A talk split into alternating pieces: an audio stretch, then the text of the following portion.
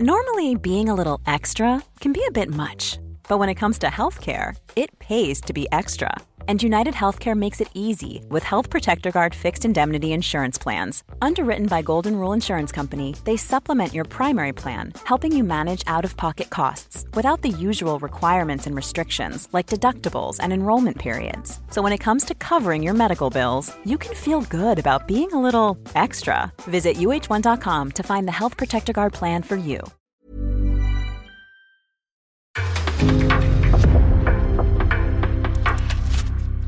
En podcast från Aftonbladet.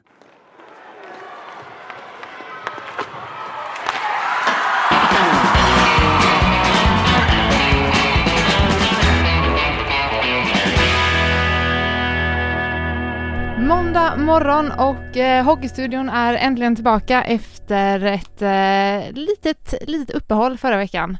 Men nu är vi eh, full fart framåt. Det är jag, Julia Karlsson i studion och med mig på länk har jag Thomas Ros och Hans Abrahamsson. Eh, hur är läget med er? Du kan börja Abris. Ja men det är väl bra tycker jag. Härligt att det drog igång igen i helgen med SHL-hockey. Jag är ingen sån här landslagsuppehållsmänniska så jag tycker det har varit lite, lite tomt och innehållslöst. Det var, ett, mm. det var ett hemskt långt uppehåll. Jag kan inte minnas när det har varit så här långt uppehåll någon gång. Uh, men det var ju på grund av att man flyttade en omgång där efter, uh, efter Karjala Tournament då. Men uh, det vart ju nästan ett uppehåll på två veckor. Mm. Vi ska gå in lite grann på vad som hänt under uppehållet, men eh, jag tänkte först ska vi börja med, nu eh, vet inte du om det Abris, men jag och Ros satte en litet eh, nytt körschema här, men vi ska börja och bara landa lite i Hockeygalan som var i torsdags. Du kan väl ta den Ros? Ja, jag var ju där då och det vart en fin gala. Man är alltid lite orolig inför galor för att ibland så kan det bli lite sådär skämt som inte går fram och, och sega tal och, och, ja, du vet att det inte liksom funkar. Nu, nu var jag på plats, Abris kanske bevakar den framför tvn och det blir ju förmodligen två olika upplevelser eh, det man ser. Men det som blev väldigt fint, det var ju en, en, en, en magnifik hyllning till Börje Salming som var på plats. Han satt inte så långt ifrån mig där jag satt på läktaren. De hade hela klanen Salming då med barn och kanske barnbarn och sådär hade ju en egen loge där och, och de hade, det var en jättefin stämning i den logen. Men han tog sig ner till isnivån eh, vid, vid två tillfällen och, och, och, fick ju en, en eh, ja, jättefin hyllning av alla hockeylegendarer på plats och, och Eh, publiken och jag kan tänka mig att det var många framför tvn som kanske också ställde sig upp och, och applådera en av de största som vi haft som just nu genomgår en, en eh, ja, ett försök att bromsa upp en, en, en hemsk sjukdom. Mm. Ja, vi kan ju bara nämna det, alltså, eh, Salming har ju blivit extremt hyllad de senaste veckorna, även i eh, NHL har det varit flertalet hyllningar. Ja, ja. Jag pratade med Börjes fru Pia efter efter galan där. Eh, fantastisk kvinna som, som ställer upp helhjärtat för Börje och, och är så stark är hon. Eh, imponerad av henne. Men hon sa att här, den här veckan eh, har, de, har de varit offentliga. Nu eh, åker de hem och eh, bara är familjen och, och ja, så får de se hur det går framöver. Men eh, den här matchen i februari kommer de inte vara delaktiga i om nu inte hälsan blir bättre. Men, men det är väl svårt att få en bättre hälsa när det gäller sjukdomen, den hemska sjukdomen ALS, utan det är väl bara möjlighet att bromsa upp det. Eh, så att det här kanske var eh, det sista vi såg av Börje. Mm. Om vi ehm, hoppar till ehm, själva utmärkelsen där, Niklas Lidström blev utsedd till tidernas bästa spelare. Ja, uh, ja precis en ganska enkel, eh, vad, det, vad, vad tycker ni där, rätt eller fel? Ja men det där är ju en vattendelare, jag ska släppa in dig Abris där. Det, det, det beror på eh, vad man gillar mest i hockey, var man kommer ifrån och hur gammal man är. Eh, frågar jag min morbror så kommer han säga att Sven Tumba är, är eh, världens, eller Sveriges bästa hockeyspelare genom tiderna. Och frågar man kanske, alltså min yngsta dotters, hennes killkompisar, så kanske de säger inte vet jag, Viktor Hedman eller Elias Pettersson eller någonting sånt där. Så där är ju frågan lite vad, vilken miljö man, man kommer ifrån. Eh, I min bok så är Peter Forsberg den bästa svenska hockeyspelaren vi har haft genom tiderna. Jag vet att Lidas har enorma framgångar både med Norris Trophy och eh, Eh, och med Detroit när han har vunnit Stanley Cup. Men det som gör Foppa så stor är att jag tyckte han ställde upp så ofta för Tre Kronor och var väldigt bra i Tre Kronor också. Han hade enorma skadeproblem men, men för mig är Peter Forsberg den, den största mm. Ja, nej men ja, det, väl, det, går inte, det går inte att argumentera mot Lidström på något sätt. Alltså, han hade ju den perfekta karriären med dels den höll på länge. Alla Stanley Cup, alla Norris Trophy. Han var med och vann OS-guld, han var med och vann VM-guld. Alltså det, det är ju... Det finns ju ingen som kan säga att det är fel att ta ut honom. Sen kan man naturligtvis ha, ha andra favoriter. Och jag är väl lite tråkigt nog inne på Thomas linje. Peter Forsberg har väl satt starkt avtryck hos, hos, hos mig. Men han var ju också hemma och spelade i SHL en sväng och lite sådär emellan. Alla skadebekymmer han hade plus den här enorma liksom, ja, men urkraften på något sätt på, på, på, på isen. Där det var som att varje byte var liksom på, på, på blodigt allvar. Och eh, kombinerat då med den här skadeproblematiken inte minst som jag bevakade ganska tätt. Det var mycket samtal till, någon, till en läkare i, i Göteborg där och jag tror att eh, Peter själv tyckte att det var grymt jobbigt att vi höll på och, och fokusera så mycket på hans fot där som, som, som inte ville fungera. Men, men eh, nej, det är väl... Det finns så många stora men, men det är klart att Forsberg och Lidström eh, sticker väl ut lite extra. Sundin också tycker jag. Jo absolut och där är ju inte minst Tre Kronor. Han hade ju en ganska tuff, liksom, han var ju inte i något superlag i, i, i NHL och fick vara med och spela de här riktigt stora matcherna där borta. Så det är väl det. Men tittar man på landslag och rent ledarskapsmässigt så är ju han eh, nummer ett. Mm. Jag tänkte mycket på det här med, med Forsberg. Eh, han, han, han, blev som, det var som en elströmbrytare som slogs på när han var på isen. De här ögonen, hänger du med menar Abris och Julia? Han fick de här liksom vargögonen nästan. Liksom sådär. Eh, och, och då frågade jag lite någon gång när vi, när vi hade någon, någon intervju där att hur kunde du match efter match, varje match, vara så påslagen? Alltså vilja kriga och vinna så mycket. Då sa man så att ja, men det var väl svårt om man åkte på en måndagkväll till Calgary och, och, skulle spela en match och det var omgång 47 av 82 och så vidare. Men, men det blev alltid så att han fick någon klubba i ansiktet i första bytet och så här, och då, då vart han ju förbannad direkt och då ville han ju kriga och köra över allt och alla och göra mål. Så att, så att han var ju så unik på det där med, med, med, med liksom de här, ja, varje byte nästan försöka och, och köra över någon eller i alla fall försöka göra mål liksom. Mm. Om vi går över till den andra snackisen som var inför tidernas hockeygala. Jag tänkte på um, Tommy Salo fick ju nobben, alltså han nomineras inte till priset som tidernas målvakt. Och det var ju också en ganska stor snackis. Um, hur, känner, hur är ni inställda till den? Nej men han skulle ju, de kunde ju bara lagt till en, en, eh, en ett namn till. Det, det, spelar ingen roll om man har fem eller sex namn. Det är klart att han under en, en under en tioårsperiod så, så bar ju han Tre Kronor. Eh, det är ju jättemärkligt att han inte var nominerad. Ja, jag jag skulle inte bli förvånad om, om, om, om man har tagit liksom diskvalificerat honom lite grann på grund av att det har varit väldigt struligt runt isen. Det är den enda, den enda förklaring jag kan, kan hitta i det. För det finns väl liksom ingen logisk hockeyförklaring till att han, att han inte är med. Det har ju varit en del problematik runt isen och, och så efter karriären och så för Tom. Och jag, jag tror att det, det har legat honom i fat. Vem tog du ut som eh, målvakt då, Abris? Ja, jag tog Henrik Lundqvist. Jag tycker att det är ju odiskutabelt. Ja. Vem som är nummer ett. Men sen vem som är... Det är väl därefter som Salo kommer någonstans. Tvåa, trea, fyra. Jag växte ju upp med Peter, Lind, Peter Pekka Lindmark. Så, så för mig är han väldigt starkt intryck som, som målvakt. Även om han aldrig hade någon NHL-karriär och så. Men det är väl klart att Salo ska, Salo ska vara bland de fem eh, nominerade. Mm. Vi äh, lämnar Tidernas Hockeygala och tar oss över till ähm, till SHL. Vi har en omgång att, ehm, eh, att gå igenom och ett, eh, ett uppehåll att äh, analysera vill jag säga. Men vi satt ju här för två veckor sedan och jag vet att ni, äh, ni sa att nu kommer det hända mycket under uppehållet och kanske får någon gå och håll koll på klubban och så vidare. Men jag vet inte, jag har bara haft känslan av att det har inte hänt så jäkla mycket egentligen. Superdålig analys av experterna. Nu gör jag citationstecken här i, i våran lilla Teams grupp. Nej, det var ju riktigt usel analys Thomas av oss två. Eller jag vet inte om det var en analys eller om det var en, en gissning ja. eller vad det var för någonting. Men det, det hände ju i stort sett ingenting. Men jag, jag trodde på allvar att det, skulle, att det skulle hända mer. Men eh, alla jag pratar med jag får samma svar om jag pratar med en sportchef i ett bottenlag i Hockeyallsvenskan eller ett topplag i SHL. Det är verkligen jättetunt på marknaden. Mm. Jättetunt. Mm. Mm, vi får ju gå till det som faktiskt har hänt och det största som hänt är ju Louis Eriksson som också gjorde sin premiär i lördags. Jag tänker att vi hoppar rakt in i Leksand-Frölunda helt enkelt. Eh, du var väl på plats Ros, eller?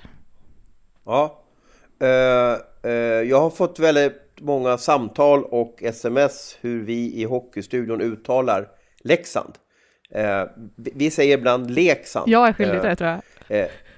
Eh, och, men nu tycker många att man ska säga Leksand för de känner sig lite förnärmade. Så jag tycker vi använder Leksand från och med nu. Ja. Och, och jag trodde du skulle ta upp det här med Quinwell faktiskt. Att du får mycket mail om det också. ja men det får jag. Men det, där, där får jag en låsning med hans efternamn. Så där får ni gärna hjälpa mig.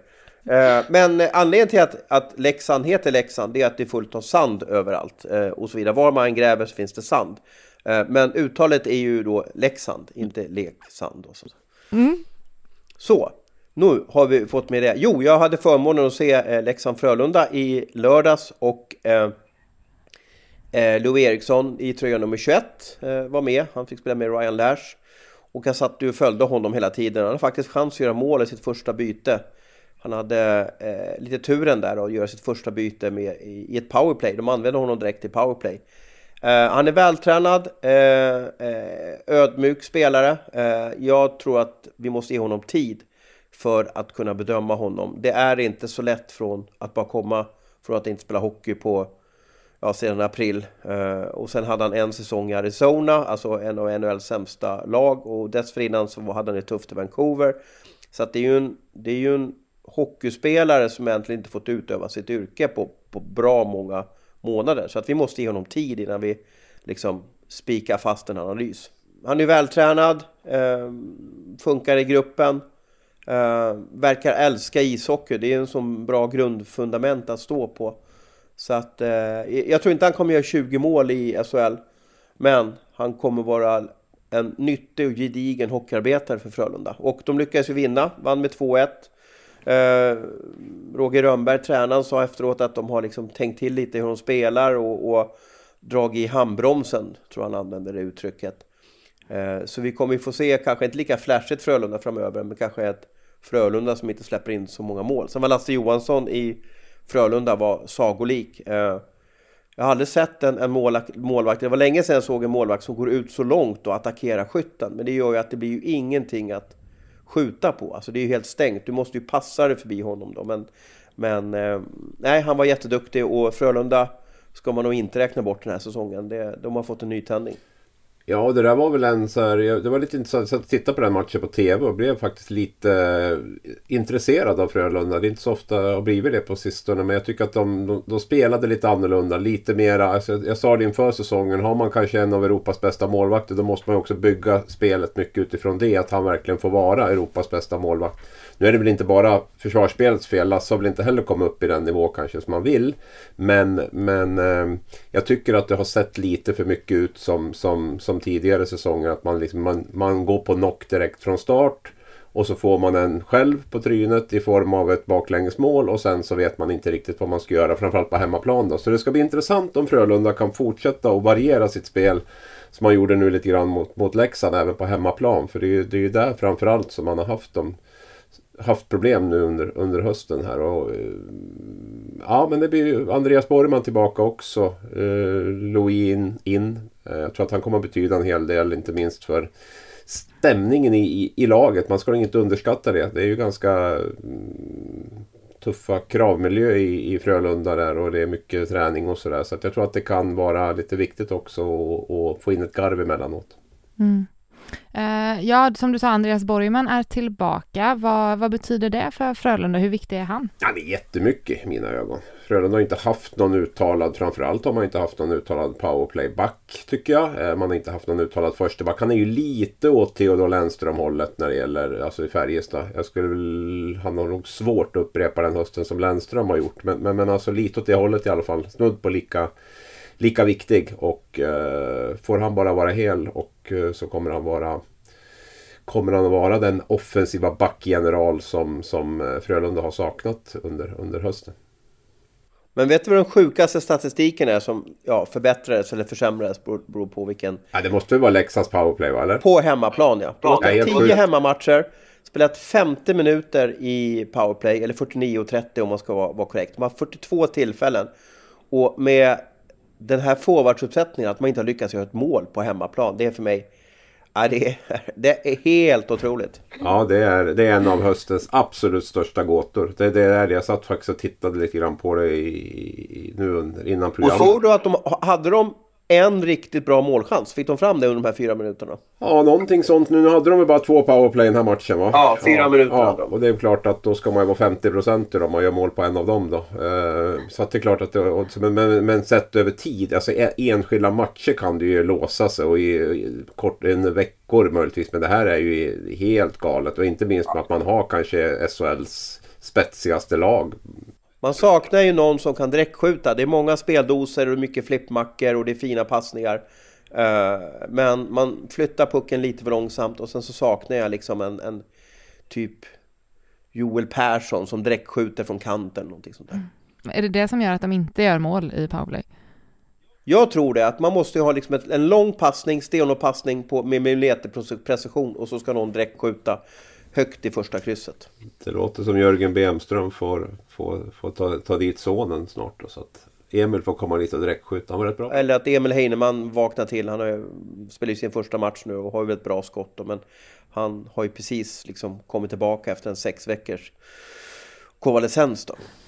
Om vi vänder blicken mot, eh, nu ska jag säga rätt, Leksand, inte Leksand, det är nog jag som satt i Leksand, det är därför du får samtal. Um, så hade vi ju, vi hade ju både en hyllning där i början av matchen som var ganska fin. Jag satt och tittade på matchen själv också.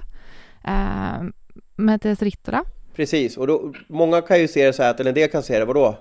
Han spelat 200 matcher eh, sådär för Leksand. Men jag, jag slänger bort de tankarna utan jag, jag tycker ju mer att det är bra för publiken att man gör lite annorlunda. Att det inte bara blir en hockeymatch, att det blir lite showtime över det hela.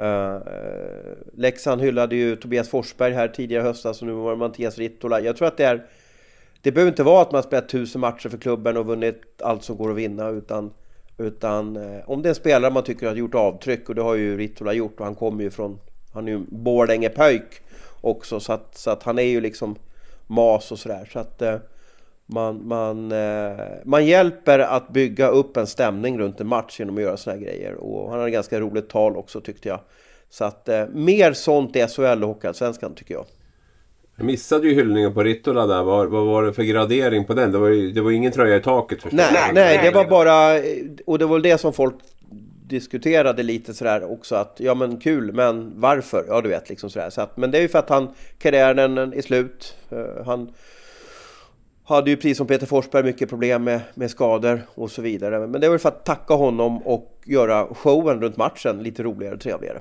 Ja, man tackar av honom helt enkelt. Ja. För, Ja, ja. och Frölunda-fansen skötte ju sig också. Ja, precis. Han, han sa ju det i sitt tacktal där, Mattias, att, att eh, han, han hyllade väl fansen och sa att de, ja, de kan ta över Skandinavium, liksom, typ, och, och sådär. Och det, så stod ju Frölunda spelare precis bredvid där. Det var ju så att det var ju när, när Frölunda skulle hylla alla lagkaptener så var det ju samtidigt som det var någon invasionsresa där. Eh, och då, då var det väldigt liv under den här hyllningen då. Så man hade ju förväntat sig eller trott eller man tyckte det var lite småroligt att när Leksand skulle hylla Rittola att det var samtidigt som Frölunda var där. Men det var ingen invasionsresa och Frölundas publik eh, var tysta och lyssnade på Mattias. Eh, sen hade vi eh, två petningar som var lite spännande. Abris, det var du som var lite sugen på att prata ja, om. i alla fall då Quen, Quenwill som vi ska träna Quenville, uttal på. Quenville, Quenwill. Quenville. John Quenwill. Men det var en dubbelpet, det var en dubbel Quenwill-petning i, i helgen där. Han har ju en brorsa som spelar i Oskarshamn också. Eh, David skulle jag vilja påstå att han heter. Och eh, det var lite så här. Och båda, båda brorsorna var petad i lördags. Så att, men, men det är väl framförallt då eh, lillebror som är back i Oskarshamn har haft en väldigt tuff höst. Eh, John har ju, var ju en prestigevärvning för Leksand och att han ställs utanför i det här läget nu är väl både anmärkningsvärt men samtidigt så eh, på ett sätt också lite logiskt med tanke på att det har varit en hel del surr runt honom under hösten. Där. Vad känner du Thomas som är lite mera örat ja. mot rälsen i, uppe i, jo, i Leksand? Men, men, jag har ju följt det där och nu när Leksand har alla forwards tillbaka så blir det en konkurrenssituation som är intressant. Eh, de har ju för många forwards. Du har ju även Karlberg och, och Elias och Kandegård och så här, de kanske är lite lättare att, att, ja, att de får sitta på bänken då. Men eh, eh, på träningarna inför den här matchen så såg det ut som att Martin Karlsson skulle kliva åt sidan då. Eh, och att de skulle på något sätt satsa på liksom de, de bästa hockeyspelarna. Hänger nu, häng, ja, om ni förstår vad jag menar. Men eh, eh när truppen presenterades så var, så var eh, Quenville eh, utanför truppen. Och det var lite på grund av lite träningsvärlden eh, fick man en känsla av att man var inte riktigt nöjd med hans prestation och, och att han kanske måste träna upp sig sådär.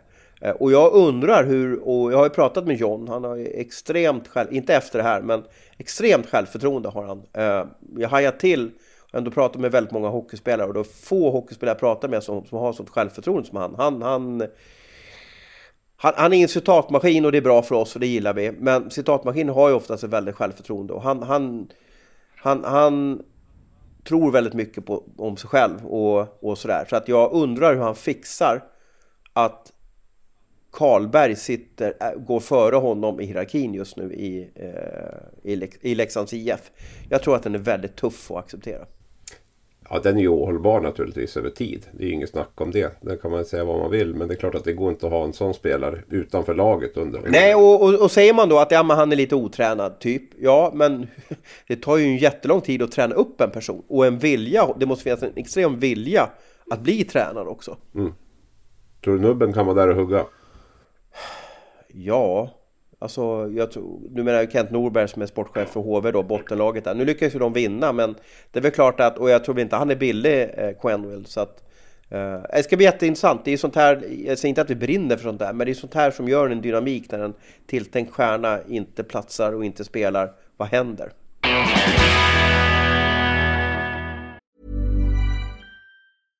Flexibility is great. That's why there's yoga. Flexibility for your insurance coverage is great too. That's why there's United Healthcare Insurance Plans. Underwritten by Golden Rule Insurance Company, United Healthcare Insurance Plans offer flexible, budget friendly coverage for medical, vision, dental, and more. One of these plans may be right for you if you're, say, between jobs, coming off your parents' plan, turning a side hustle into a full hustle, or even missed open enrollment. Want more flexibility? Find out more about United Healthcare Insurance Plans at uh1.com.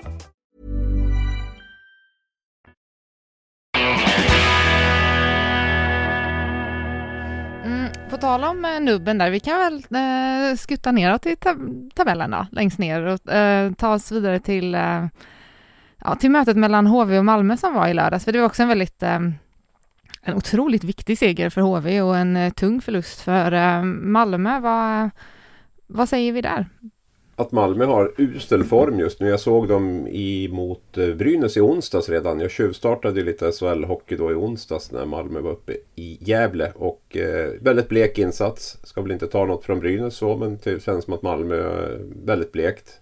Eh, kände lite likadant. Jag satt faktiskt, jag valde den matchen på, på eftermid tidiga eftermiddagsmatcherna där. Och, eh, Nej, jag känner lite likadant. Det är något som inte stämmer i Malmö. Nu har det ju varit så tidigare säsonger också. Man har lyckats få ihop det ändå på något sätt i, under våren. Det har ju stormat en hel del där de senaste åren och så. Så att vi får väl se. Men, men att någonting eh, inte står rätt till i Malmö är väl klart. Nu kanske det var HV vi skulle prata om. Och eh, där känns det väl som att HV börjar lära sig SHL-hockey mer och mer. Eh, tycker att insatsen i mot Färjestad inför uppehållet var riktigt bra. Jag tycker att energin finns där även nu. Nu är det ju inte hemmaspelet i första hand som har varit HVs problem den här hösten. Utan där har man ju varit ganska bra hela tiden.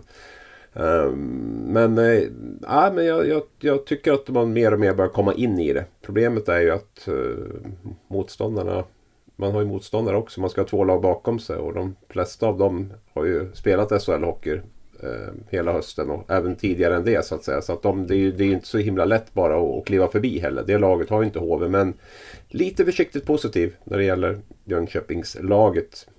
Ja, och vilken succévärvning det har blivit med. Han spelade 21 minuter där. eh, Och gjorde två mål. Eh, Fredrik Forsberg tycker jag är helt otroligt. Spelade 12 minuter, gjorde ett mål.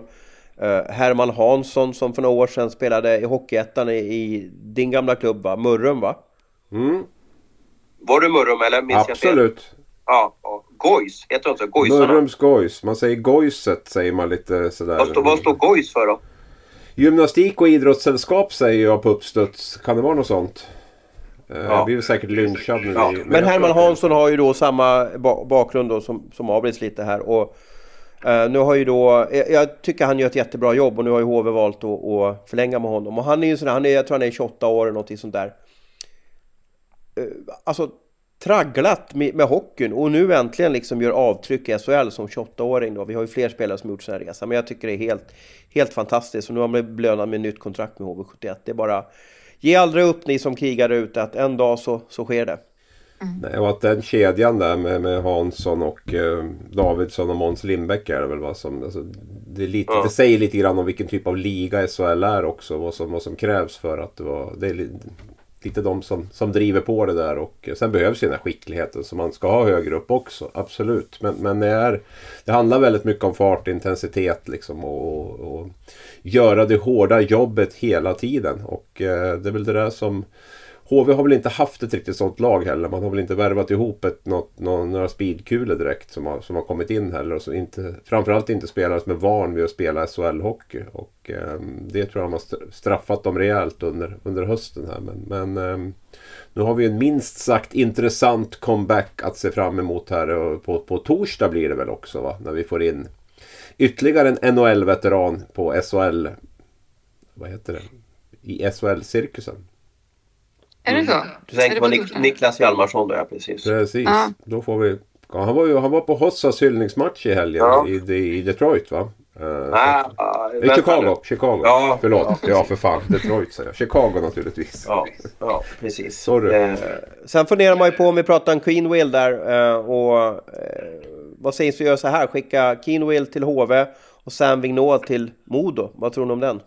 Ja, det är en intressant trade. Kan man kalla det för en trade då? Det kan man inte göra. Det är lite så här trepartslösning eller? Vad ska Ja, Leksand få då, då? Kan vi skicka, kan vi skicka eh, någon direktskytt då till, till Leksand från Modo? Det blir svårt alltså. Modos första femma där älskar ju att spela hockey så jag vet inte om man kan, men det är svårt att se att, att Modo skulle, eller att Leksand skulle knycka ännu en stjärna från, eller betydande tränare eller spelare från Modo. Det hade varit lite välkänsligt. Nu vet ju inte jag om Quinwill är exakt det HV behöver om jag ska vara helt ärlig. Det känns ju Leo inne... Ja, men det är ju, det, han gör ju ett bra skott om han får, får, får ha, använda sitt bra skott. Men jag var väl lite inne på det här att det kanske är det här hårda, speediga jobbet som, som komma in i det med SHL-hockeymått mätt som HV behöver. Men det där får väl eh, de som kan hockey bättre än oss avgöra, sportcheferna. Mm. Eh, jag tänkte på, nej men jag hade en liten fundering här kring HV. Ehm, nu, de vann mot Malmö i lördags, vilket är ju super, super, super viktig seger för dem. Eh, och sen har man Oskarshamn nu i veckan, alltså både Malmö och Oskarshamn är ju ändå lag som man, nu säger jag inom stora citattecken här, borde kanske kunna ta poäng mot i det här läget. Liksom. Hur viktigt är det att, att det är just de matcherna som är nu och att Hjalmarsson kommer in på torsdag liksom, istället för att det hade varit um, ja, men kanske ett, ett lag som är lite svårare att slå, kan man uttrycka det så? HV och Oskarshamn, för det första så är det ju så intressant för att HV har ju, har- är ju en sån powerklubb jämfört med Oskarshamn så att, att styrkeförhållandet är ju så här att, att HV ligger bakom Oskarshamnstabellen. Det, det är nog jobbigt för väldigt många Jönköpingsbor. Men, men förlorar man den matchen så är man ju tillbaka i skiten, hänger med. Och vinner man så är man ju med, då har man ju häng. Man, man, eh, vinner man med, med tre mål eller fyra mål så är man ju faktiskt förbi Oskarshamn också. Och slipper den nesliga eh, sista platsen. Men det är en, det är en jätteviktig match och, och här har ju HV allt att förlora och Oskarshamn allt att vinna. Och det där, det där mentala att man måste vinna eller, eller att det är väldigt bra att man vinner, den, den kan ibland vara jobbig att att spela hockey under. Eh, Det ska bli jättespännande att, att följa och se. Mm. mm. Om vi, um, vi kan väl passa på att ta oss vidare till Oskarshamn då helt enkelt. Viktig match på torsdag, men de fick också stryk i eh, lördags mot eh, Luleå. Om man kollar på de som ligger sist i tabellen nu då, eh, eller HV, Oskarshamn, Malmö, vad... Oskarshamn och Malmö där, vad är det som inte, vad är det som inte funkar? Så om vi tittar på Oskarshamn framförallt så är det ju Dels är det ju en kedja som producerar och det är första kedjan men framförallt så släpper man ju in väldigt, väldigt mycket mål. Eh, vilket Oskarshamn inte har gjort tidigare. Jag tror man är uppe i 60 eller något sånt här nu. Ehm, och det är väl typ 10 mer än vad man, vad man hade samma tid förra året. Där. Så att det, det, det är ju det är ju Oskarshamns stora problem. Och, jag och faktiskt in och titta på det på Oskarshamn har ju bara tagit 14 poäng på de 13 senaste. Eh, formsvagast i, i tabellen tillsammans med HV och Malmö. Då. Ehm, man tittar så de har 20 poäng nu. Man, har haft, man hade 26 förra året vid den här tiden. Man hade 25 poäng året innan där. Det kanske inte låter så mycket men de här 5-6 poängen. Oskarshamn har gjort starka höstar. Och nu får vi se lite grann hur de, ehm, hur de klarar att hantera och inte ha det där försprånget. Man har ju ändå varit hyggligt nära kvalsträcken även om man har haft starka höstar. Och nu har man inte riktigt det försprånget. Så att, ehm, men, ehm, nej, men de, de har lite grann som de måste rätta till där när det gäller Oskarshamn. De har en väldigt alltså, speciell situation också i SHL, i näringskedjan. Man är som nästan som ett hockeyallsvenskt lag i högsta serien. Jag tänker på att man gör ju succévärvningar gång på gång. Eh, Max Veronor, Brian Cooper och den här säsongen, och så Patrik Karlqvist och den här säsongen så värvar man Antti Suomala. Men direkt när de gör succé så lämnar de ju också. Antti Suomala lever vara kunna hamna i vilken SHL-klubb som helst och kanske även Schweiz nu 22 poäng på 16 matcher. Men det är tufft för dem att när de vill förlänga, ja Patrik Karlqvist har de lyckats ha kvar, men de får en riktigt bra kanonspelare och vill förlänga så drar ofta spelaren. Den, den måste vara oerhört svårt att, att över flera år kunna bygga ett, ett slagkraftigt lag. Mm. Det blir ju lite eh, Ja, det blir det blir som du säger, det blir fallhöjden kan ju bli ganska stor om man inte lyckas ersätta de här succéspelarna som, som, som lämnar. Nu ska jag långt ifrån räkna ut Oskarshamn den här säsongen. Jag tror väl säkert att man skulle behöva in tror jag en, en, en riktigt stabil back som kan, som kan staga upp försvaret lite grann. Eh, målvaktsspelet har ju inte heller varit sådär superbra. Sen vilket som är hönan och ägget där riktigt är väl, är väl svårt att säga. För att eh, jag skulle väl vilja säga att eh, Växjös målvaktsspel hänger nog väldigt mycket ihop med, med försvarsspelet i stort. Jag menar, jag hade väl inte Larmi och Åman superhögt i min målvaktsranking inför säsongen. Nu har de gjort det jättebra. Eh, och jag tror att det stor del hänger ihop med Växjös totala spel. Och det tror jag nog också är samma sak med Oskarshamn. Att eh, får man ett bättre försvarsspel så kommer också målvakterna bli bättre. Och där tror jag väl att Thomas Fröberg eh, behöver titta över marknaden rejält och försöka hitta en, en någon som kan stadga upp eh, försvarsspelet. För det tycker jag inte riktigt finns där just nu. Båda målvakterna har ju ett målsnitt, då, alltså insläppt målsnitt på över tre. Och det, det håller ju inte riktigt. Sen kanske de inte får den bästa hjälpen då, men, men eh, jag, jag, tror att de letar efter en ny målvakt också. Mm. Mm, och det är ingen, eh, det är den klassiska frågan, det är ingen i, eh, i bottenklubbarna här nu som, som hänger löst tränarmässigt? Alltså jag var ju, jag var ju liksom, jag satt ju liksom och bara tryckte på, på eh, return här på, på datorn för att kolla på HVs hemsida under veckan. Jag trodde väl att Tommy Samuelsson, att de skulle göra någon förändring då, men, men de höll ju fast, jag gillar ju när man håller fast, speciellt om man lyckas vända det här. Om HV lyckas vända det här ändå utan en förändring i båset, då har man ju gjort det bra. Alltså då är, då är det stabilt jobbat, då är det liksom en röd tråd som man älskar. Eh, sen tror jag att vi sa det sist också lite det här att, ja men vänta nu, vi har Tommy Samuelsson i båset och Stillman och Åkerman. Eh, vad kan vi få in som blir bättre än det? Det kanske inte finns så mycket säkert kort att ta in. Eh, Abris hyllade ju Metell här och tyckte att det var ett säkert kort här om det var två veckor sedan eller någonting sånt där. Men det, men det finns ju kanske ingen sån där riktigt given att plocka in. Nej, jag är helt beredd att, att, att hålla med dig där. Att det, det, finns inte så himla mycket. Och ska jag titta på dem där nu. Jag tror att HV är väldigt nyfiken. Jag tror Kent Norberg är väldigt nyfiken att se vad, vad Samuelsson kan göra med det här delvis ombyggda HV och delvis ett HV som har kommit in mer i, i SHL-kostymen. Det är väl alltid en avvägning där. När Niklas Ram fick sparken så tyckte man att det tog alldeles för lång tid innan han fick sparken i HV. Eh, nu hjälpte det ju inte. Då kan man ju alltid diskutera om det hade blivit bättre om man hade gjort det tidigare och sådär. Men, men jag, jag tror att han eh, sitter säker ett tag till. Jag tror att Filander sitter bombsäkert i, i Oskarshamn. Eh, sen är det väl jag skulle ha sagt för någon vecka sedan att Kollar sitter säker i Malmö också. Ehm, och jag tror att han gör det för att man har ändå lagt ganska mycket prestige i att ta in honom och skriva ett eh, tvåårskontrakt med honom och sådär ganska oprövad. Men eh, det är klart.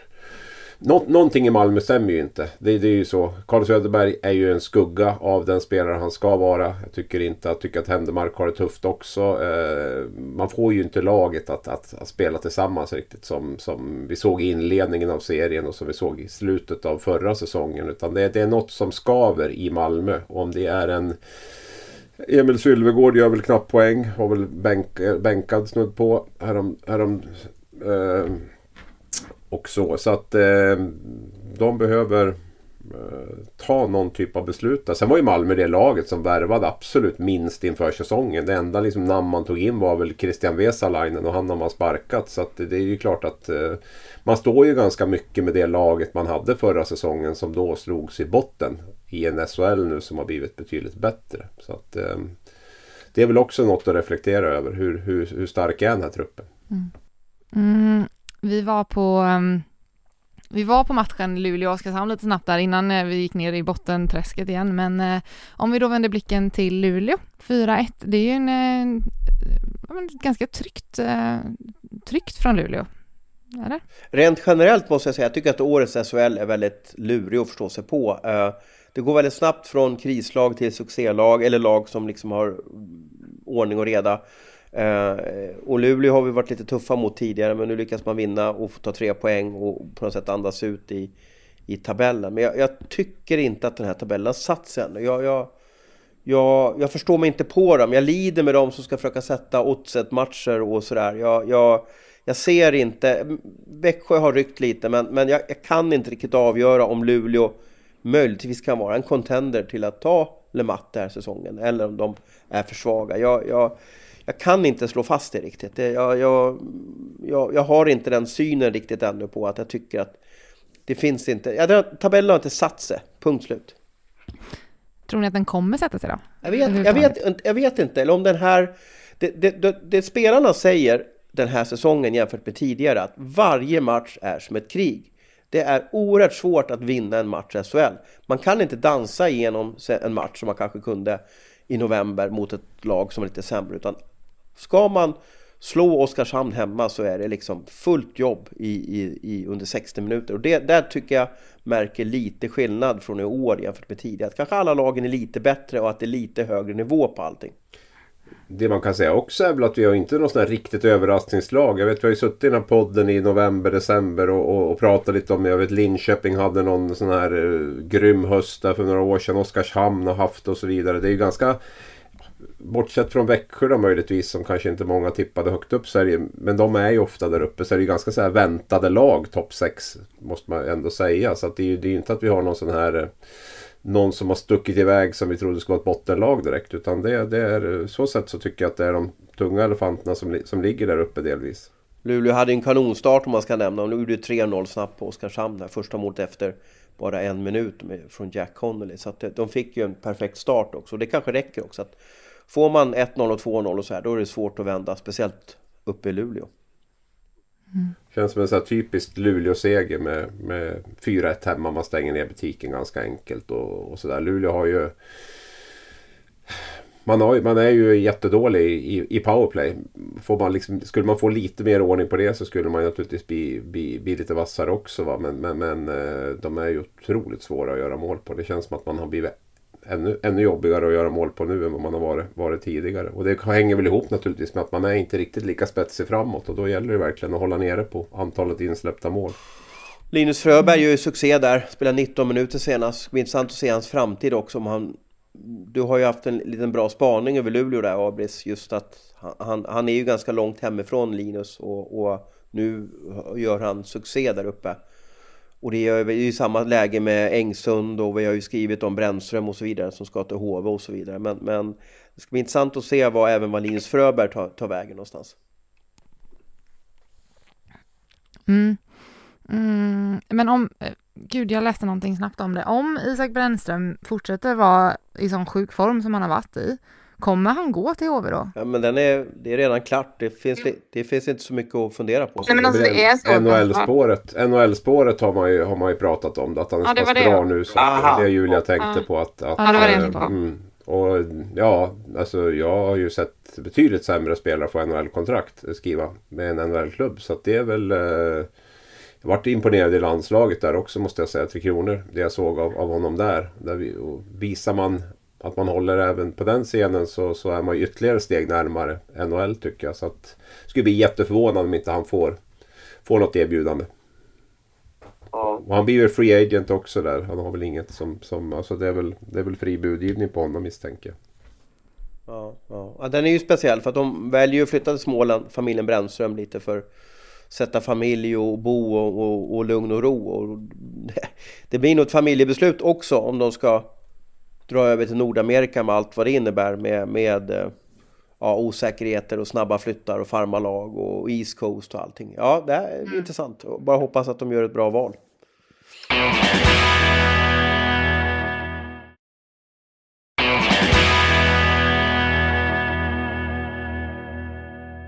Eh, vi, eh, jag tänker att vi eh, skuttar, eh, skuttar, vi skuttar uppåt lite grann här i tabellen. Eh, vi hoppar lite fram och tillbaka idag. Ja, som vi har sagt och vi säger det jämt, det är svårt att sätta tabellen, det är så himla jämnt överallt. Men Växjö har ju ändå dratt ifrån lite, vad man vill säga nu, bara för att de ligger liksom fyra poäng upp eller vad det nu är. Men um, de, de rullar på helt enkelt. Det går bra. Ja, det är maskinmässigt. Alltså Växjö nu. De, de, eh, de, de, de, har fått ihop pusselbitarna kan man verkligen säga. Och jag tror att det allt, allt börjar med, med, med den här otroligt starka backsidan. Sen har ju Jörgen Jönsson verkligen kommit in och visat att han är en eh, kapabel till att eh, få ihop vad som krävs för att eh, för att vara topplag. Så att det är väl en... Eh, det är lite så här man ser dem... Tänker på den Dan 16 varje gång jag ser honom. Han känns så 100% i Växjö-spelare på något sätt. En rightare, skicklig, inte superhögt tempo och sådär. Så alltså de, har, de har fått in spelare som verkligen passar i deras sätt att spela. Och nu känns det som att det, det det rullar på. Jag tycker väl fortfarande inte att forwardsuppsättningen är liksom superimponerande. Men, men helheten de har fått ihop det och med den här, den här topp 4 backsidan som man har så är det ju så blir man väldigt svårslagen. Det är fem raka segrar nu. Eh, eh, två backar leder interna poängligan. Det säger väl en del lite om, om maskinen. Att man, man, man, eh, eh, det finns ju ett uttryck att, att offensiv eh, vinner publik, defensiv eh, vinner championships. Och det är väl så man har byggt det här laget med en sagolik målvaktsvärvning och sen en, en stark, stark liksom IG-försvar och sen så gör man tillräckligt med mål. Man gör typ tre mål per match och det, det räcker för att vinna SHL-matcher. Nej, de håller på att skaffa sig ett... Jag tycker inte Växjö känns som ett sånt här lag som kommer att klappa ihop direkt heller. Utan de, de känns väldigt genomstabila i sitt sätt att spela. Väldigt trygga i vad, vad de ska göra. Och, och Växjö är ju ett lag som, även om Sam Hallam är borta nu så har ju Henrik Evertsson i allra högsta grad, sportchefen, varit inblandad i, i hur Växjö ska spela, uppträda och så vidare. Och, och det känns som att man är man är lite tillbaka där igen nu där, där Växjö ska, ska vara. Kan ni gissa vilken forward i Växjö som har gjort mest mål den här säsongen? Uh, det var en bra fråga. Den är, det är ju en, den är jätteoväntad och därför jag ställer den. Det är Hugo Gustafsson. Ja. Ja. Man gjorde två nu senast. Jag tänkte faktiskt... Ni... Men det räcker ju. Alla, alla har gjort liksom två, tre mål typ Ja. i det här laget. Det är inte jättemånga på Hugo va? Fem. Fem ja. Ja, ja du ser. Mm. Ja. Och det räcker för Ja, att liksom leda interna Ja. målligan. Liksom. ja. Men, eh, skyttekungen fördubblade snudd på sin, sin målskörd i, i lördags med, med två Ja, mål. Ja, nej, det, det är... Och, flest, och flest mål totalt sett är Lukas Bengtsson i Mm. Fick Kalle Kossela göra mål här nu också. Han har ju varit ett frågetecken. Hela, har ju varit skadad hela hösten. Och ganska komplicerad skada också. Så jag var lite osäker på om han skulle kunna komma tillbaks i och, och spela fullt ut. Men det verkar så i alla fall. Då. Så då får man ytterligare bredd eh, på forwardsidan. Och eh, våran nordamerikanska värvning Jaden där med svåra efternamnet. Han... Eh, Algebach. Ja, precis. Tack. Han, eh, han gör det bra också. Så att man, man, har, man, har, man har fått en, en bredd där på forwardsidan som jag inte riktigt såg framför mig när jag tippade Växjö inför säsongen. Mm. Några andra som eh, rullar på ganska så bra den här veckan, eller har ju varit eh, Brynäs har ju tagit två vinster. Du eh, var ju inne lite på det innan Abris också, att du ville snacka lite om att Palve var petad där. Ja, eh, det är ju lite intressant också. Det är väl lite samma som John Quen Quenwell i Leksand där. Att det är en sån spelare som det inte går att ha utanför eh, under någon längre tid. Och eh, jag är väl lite fundersam på vilken, det var ju redan inför säsongen, lite grann vilken, vilken roll Palve kommer att få i, i det där laget och vilken roll han ska ha nu. Det är ju är det någonting Brynäs är starkt på så är det ju centersidan. Och eh, Palve är ju en utpräglad center. Inte minst tycker jag i det själv. Och eh, då ser jag ingen naturlig position för honom när alla, alla är friska. För jag tror att man vill gå med Johan Larsson och Björninen som första och andra center. Och sen är ju Linus, Linus Öhlund har väl varit han har väl gjort sin bästa höst i, i karriären och eh, är väl ganska given som tredje center också på det sättet att han är ganska ja, kräver inte att spela alla offensiva situationer, gör mycket jobb i boxplay. Man är en perfekt tredje center. Mm. Och då är ju frågan vad, vad gör man av Palve? Man har ju testat honom som ytterforward och sådär men det, det, har inte riktigt fungerat. Så att jag, jag har svårt att se att han att man kommer att hitta någon perfekt position. Sen är det ju lyxigt att ha en, en palve att kasta in när Johan Larsson blir skadad naturligtvis. Då. Och, men när alla är friska och om de är det över tid så kommer det att vara ett problem för Brynäs. Och vad man ska göra med honom. Ja, jag tänkte på det. Det måste ju vara det värsta som kan ske, att, lite för Brynäs, att man möter då kanske ett av, av SHLs bästa lag på bortaplan. Eh, och sen Johan Larsson skadad och eh, Palve får hoppa in som någon ersättare. Och så vinner man med 3-2. Det är liksom lite speciellt hur man ska... Alltså det är svårt att ändra ett vinnande lag till nästa match. Ja, det, så kan det ju vara. Nu, var ju, nu höll ju Anders Lindbäck nollan eh, mot Malmö men fick inte spela ändå. Fick ju Tommy Karonen hoppa in och göra debut. Eller vad heter det? Han har ju varit i Brynäs tidigare men i alla fall den här säsongen då. Sin debut. Och, eh, så att, tydligen kan man ju ändra ett vinnande lag. I alla fall om man heter Mikko Manner. Så att eh, det är nog inget skrivet i sten. Kommer Johan Larsson tillbaka så är han dundergiven som deras första center. Det, det vågar jag svära på. Faktiskt. Vad ska vi skicka Palve då? Om vi har liksom skickat Eh, Vignot till Modo och Keenwell till HV då. Vad ska vi skicka Palve då? Ja, jag hade nog kanske, jag hade nog kanske sett HV framför mig. Eh, före, före Quinwell. Just för att Palve är en utpräglad center också. Ganska lätt, hyfsat lätta fötter och ben. Det är en intressant duo att sätta, sätta, sätta ihop också om, om eh, ja. Keenwell kan direktskjuta. Så. Ja, sen finns det väl kanske lite jobb att göra för Tommy Samuelsson att få ihop gruppen och så vidare och sådär kanske då. Men, men, men ähm, det, är, det är väl ett lag som eh, som jag ser framför mig i Sverige i alla fall som, som i första hand så behöver den här. För Palve är ju lite heaven or hell. Det är liksom det är eh, galant offensivt stundtals när det stämmer och sådär. Men det är också ganska hög risk på, på försvarsspel och så vidare. Va? Så det, det, måste ju vara ändå en, en, en, klubb som är i stort behov av, av offensiv spets och eh, är beredd att ta den risken som, som det innebär med det, med det defensiva spelet. Och eh, ganska svårt spel ibland också. Så, så att jag tror väl att det är, det är där någonstans i, i SHL i alla fall som man, som man hamnar om man ska placera Palme. Mm. Vi, eh, det var ju i och för sig ni kanske vill nämna några ord om Färjestad också innan vi lämnar lördagens match där. Det var ju 90-årsjubileum men de fick ju inte fira för Brynäs vann ju.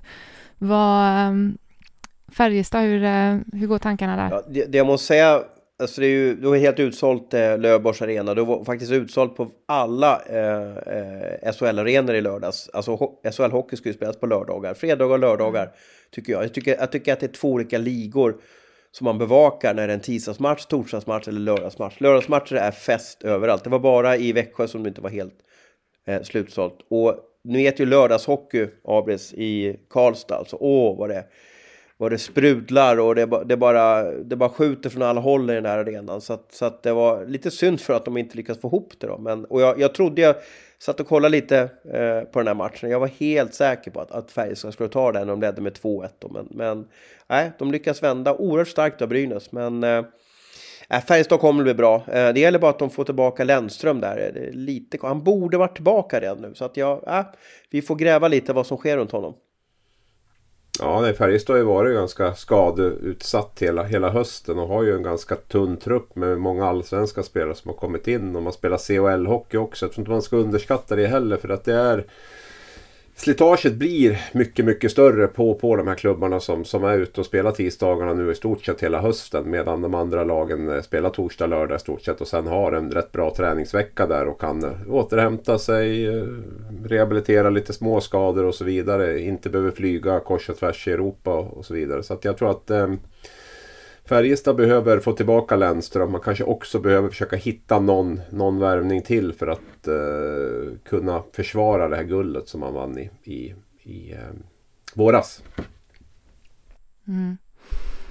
Vi ska... Um, det börjar bli dags för oss att uh, runda av så smått, men jag tänker att vi kan väl ändå uh, nu när vi för en gång skulle ha chansen att typ gå igenom alla matcher som har varit en lördag så kan vi ju ge några minuter till de två kvarvarande matcherna. För vi hade Eh, Timrå och Skellefteå där, där Skellefteå tog eh, femte raka. Det är, inga, det är inga konstigheter med Skellefteå egentligen. För har de sina, har de sina spelare friska så är de, ja, de snudd på, äh, de är nog bäst i Sverige kanske till och med. Så de, de, de, men de är väldigt beroende av att eh, de är ganska utsatta för för eh, skador och sådär. Nu tror jag Wingeli inte var med senast om jag inte minns, eh, om jag minns rätt. Va? Men, men det är ju det är ju, det är ju ett frånfall som man klarar av. Men, men när Skellefteå spelar med ordinarie lag eh, så tycker jag att de är otroligt eh, starka. Ja, och de förstörde ju festen här. Utsålt eh, hemmaarena i, i Timrå. Eh, Timrå är också sådär. Skellefteå tror jag väl ja, men de kommer vara med där uppe. Timrå blir ju lite sådär, mm, hur, hur, bra är de? Vad står de? Och vad, vad händer liksom sådär? Emil Pettersson gjorde väl ett jättefint mål om jag förstått rätt. Men i övrigt så tyckte jag inte riktigt att de fick något tryck där mot, mot eh, eh, Skellefteå. Så att eh, ja, Timrå är lite så här som jag, som jag beskrev lite för för, för, som Luleå där. Jag vet inte riktigt var de står. De sköt ju bara 17 skott på mål också i den där match, hemmamatchen. Det är alldeles för lite, tycker jag. Så liksom. Jag ska väl korrigera med det att Wingeli spelar, men de hade bytt ja, miljö på honom. Bytt miljö på honom, så han gick center i tredje istället. Så att jag får stan efter mig. Mm. Och om vi eh, tittar till Örebro-Rögle där, där hade vi också en, eh, en hyllning med tröjhissning ska tilläggas också. Örebros Henrik Lövdahl som eh, tackades av. Jag har inte sett den så att jag har, har Abri sett den? Eller? Jag har sett delar av den ja. Och det var väldigt, jag, jag frapperas mest av att Henrik Lövdahl känns som att han ser bara yngre och yngre ut för varje år som går. Eh, jag blir lite imponerad där. Han ser ut som han är 25 fortfarande.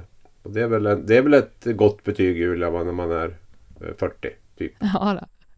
Men vad, vad var det för hyllning då? Vad var, om vi satte rubriken på Rittola-hyllningen så var det Tack för en bra karriär. Ja, tröjan i taket. Tröjan i taket. Ja, 18, 18 alltså. säsonger, A-lagssäsonger i klubben, 9 som kapten, eh, moderklubb Örebro. Eh, alltså han är ju Mr Örebro, big time. Säger man ont om Henrik Lövdahl på redaktionen får man Mattias Örebro Karlsson efter sig, det kan jag lova. Han är han är um, huge i, i Örebro och det, det, det är också, har jag all respekt för. Jag tycker det är en grym spelare, grym person. Han gör ett jättejobb där nu också med deras juniorsatsning. De är väldigt offensiva, Örebro, där när det gäller att eh, få in spelare till sina juniorlag och eh, har bra juniorlag, spelar en bra hockey. Och där är Henrik Lövdahl väldigt stor arkitekt bakom. Så att eh, nej, han har, det finns mycket att gilla med, med Henrik Lövdahl. Förutom att han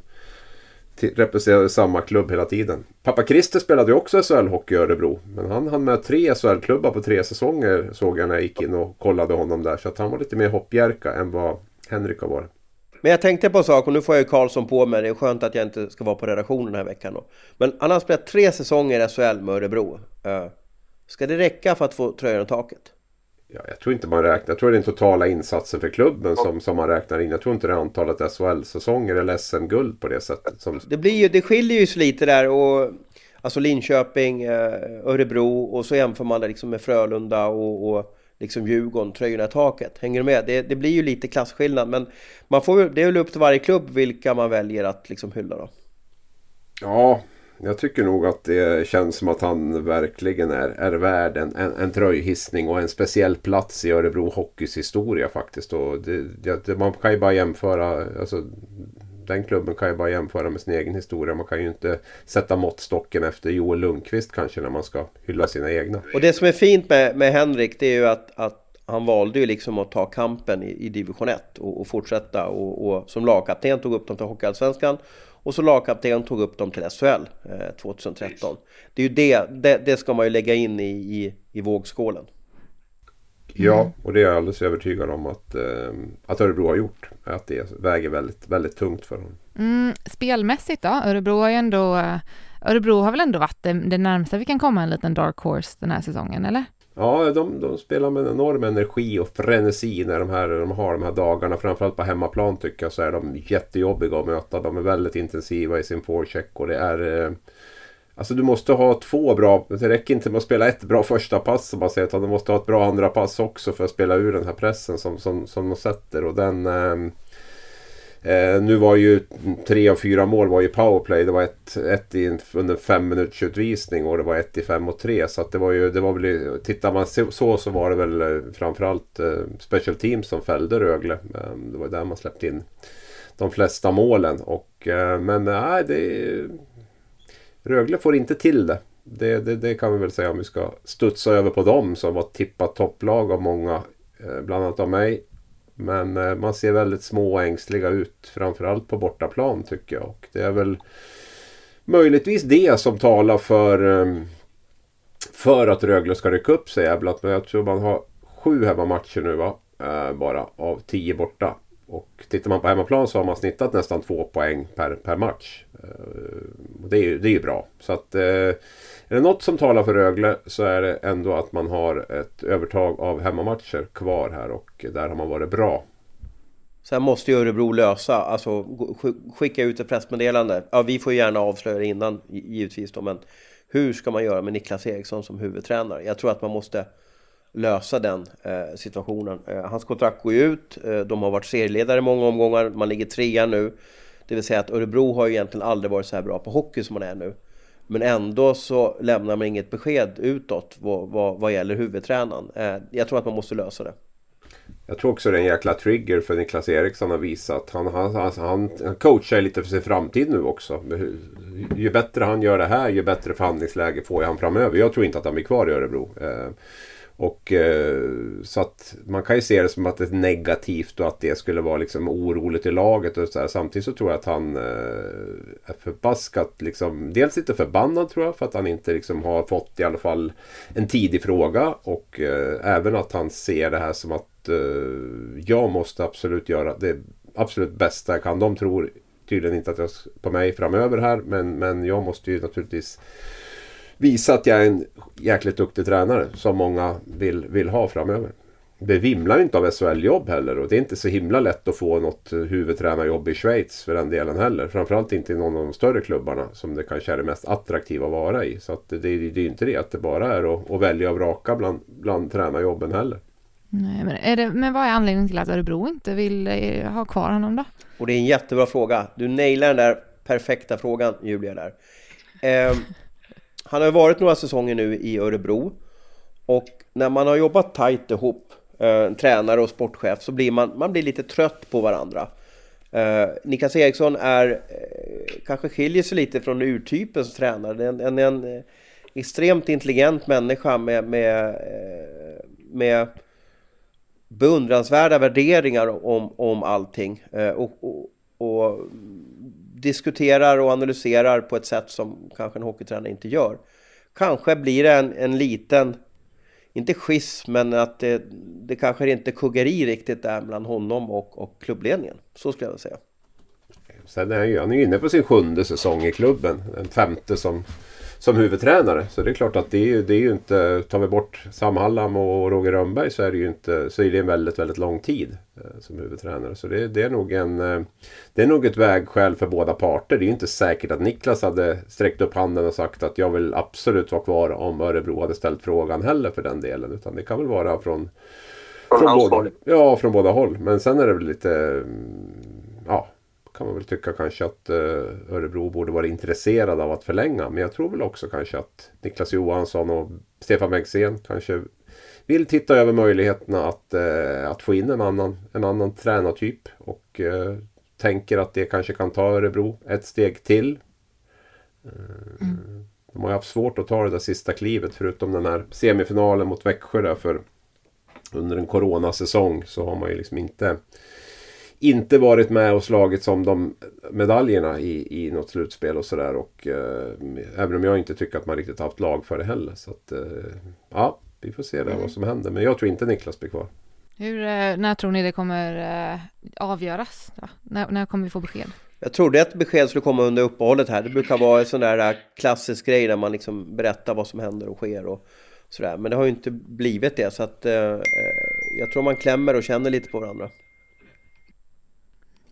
Vem, eh, vem skulle kunna tänka sig att gå till Örebro då, som tränare? Jag satt ju och tänker på sånt här namn som Johan Hedberg. Jag tittar lite på Hockeyallsvenskan till exempel då, som är, som är den ja, som är ligan under SHL och, och vilka, vilka, vilka tränare finns det som känns spännande som, som skulle kunna ta ett SHL-lag. Då, då, då fastnar jag väl lite grann där på, på Hedberg. Det är väl den som, som, eh, som sticker ut mest. Mattias Kalin naturligtvis men, men jag vet inte, han har ju testat på SHL och Ja, i en annan omgivning kanske det hade kunnat bli bättre. Men, men för mig så är väl Johan Hedberg ett, ett intressant namn. Jag tycker han gör ett jättebra jobb, har gjort ett jättebra jobb och gör ett jättebra jobb med, med Mora där med väldigt små resurser och, eh, och så. Så att eh, ja, det, det är ett spännande namn. Mm. Fortsätter de ju på Leksandsspåret också. Eh, de har haft Niklas Eriksson nu då, och sen Johan Hedberg. Eh, jag, måste, ja, jag vet, kan inte huvudet hur hans kontraktssituation ser ut i Mora. Eh, jag spelar padel ibland med, med, med Hedberg där och jag ska gnugga lite på honom där hur han ser på framtiden. Han är så oerhört fokuserad på, på nuet också. Han, jag tror han är lite så NHL-aktig, att han inte under en säsong kan riktigt förhandla med en annan klubb. Jag tror inte, det, jag tror inte han kan göra det. och då är frågan om Örebro kan vänta det efter säsongen. Ja, det tror jag inte att man gör utan då måste man nog ta ett beslut. Men han är han extremt kontrakt, fokuserad. Han har ju ett kontrakt som går ut nu så att det känns ja. väl ändå som att då måste man väl få vara ute i, i, i innan det och se över sin, sin framtid. Så att, men, men ja, jag tror att jag tror att de vill ha ett besked betydligt tydligare, tidigare än efter säsongen. Mm. Och med det så är det dags för eh, oss att stänga ner för den här veckan. Mm, tack eh, Hans Abrahamsson, tack Thomas Ros. Tack alla ni som har lyssnat. Har ni frågor, funderingar, kommentarer, hör av er till någon av oss och sen så hörs vi igen om en vecka. Tack så mycket.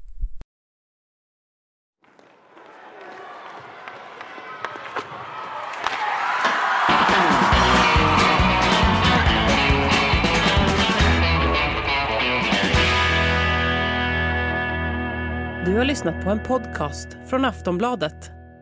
Ansvarig utgivare är Lena K Samuelsson.